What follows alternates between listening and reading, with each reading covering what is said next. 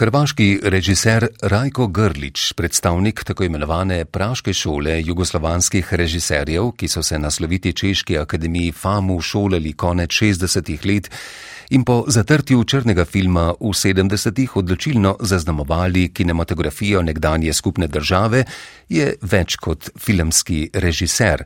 Je predvsem izvrsten pripovedovalec zgodb, ki je sopodpisal številne scenarije za druge avtorje, ustanavljal filmske festivale in imaginarne filmske šole, ustvaril cenjen multimedijski priročnik za snemanje filmov, vse skozi pa se je prepiral z oblastjo, cenzorji in ideološkimi antagonisti. Grličevo življenje se bere kot napet roman ali film ali atraktivno napisana biografija ker je tako poseben, tudi knjige njegovih spominov, še nepovedane zgodbe, ne moremo brati kot klasično autobiografijo, kvečemu kot autobiografsko prozo, ki jo lahko konzumiramo v poljubnem vrstnem redu, saj se ne omejuje ne na kronološki vrstni red, ne na strok formalni okvir še najbolj spominja na njegov znameniti multimedijski CD-ROM z konca 90-ih let, kjer je bil uporabnik povabljen, da prosto brska in odpira okna filmskih pojmov. V knjigi ti abecedno razvrščeni filmski pojmi od antiklimaksa do westerna občasno egzaktno, še večkrat pa metaforično povzemajo vsebino posamičnih zabeležk, ki bi jih lahko označili za vinjete, spomine, prebliske, z domišljijo prepletene dogodke ali anekdote. Kdor pričakuje detaljne opise prigod snemalnih lokacij in razmišljanja o lastnem ustvarjalnem opusu, bo nemara razočaran. Še nepovedane zgodbe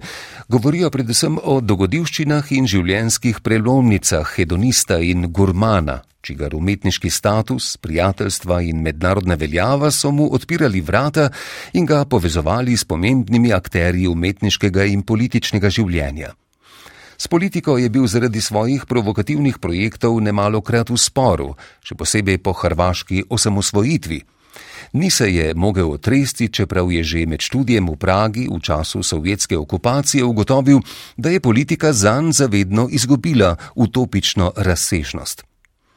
Tako kot je Grlič skop v razmišljanju o svojem opusu, pa je precej bolj velikodušen do nekaterih svojih sodelavcev in mentorjev, v prvi vrsti Srdžana Karanoviča, s katerim je sodeloval pri številnih scenarijih, ali Lordana Zafranoviča, še enega praškega kolega,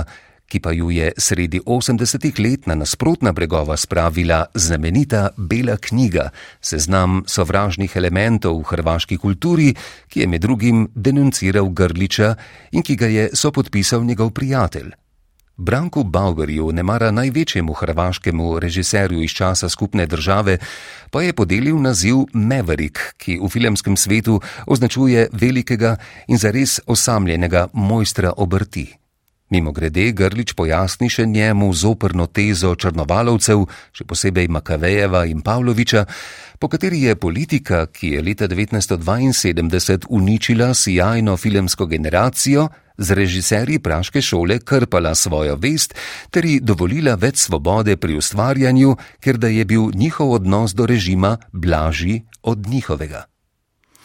Grličeva knjiga Še nepovedane zgodbe je predvsem prvovrstna kronika nekega časa v nekem političnem prostoru in malce manj prvovrstna samorefleksija lastne ustvarjalne poti. V tem kontekstu je naravnost šokantna amnezija v odnosu do klasike Navrat na nos, kot so pri nas prevajali grlom v jagode, najznamenitejše in najpopularnejše televizijske serije z območja nekdanje Jugoslavije, ki sta jo ustvarila Grlič in Karanovič in ki še danes pomeni vrhunec ustvarjalnega opusa obeh velikanov. Če drži napoved, da namerava Grlič nadaljevati pisanje in dodajati nova poglavja, se lahko nadejamo popolnitvi filmskih pojmov oziroma spregledanih poglavij. Še nepovedanih zgodb je zagotovo dovolj.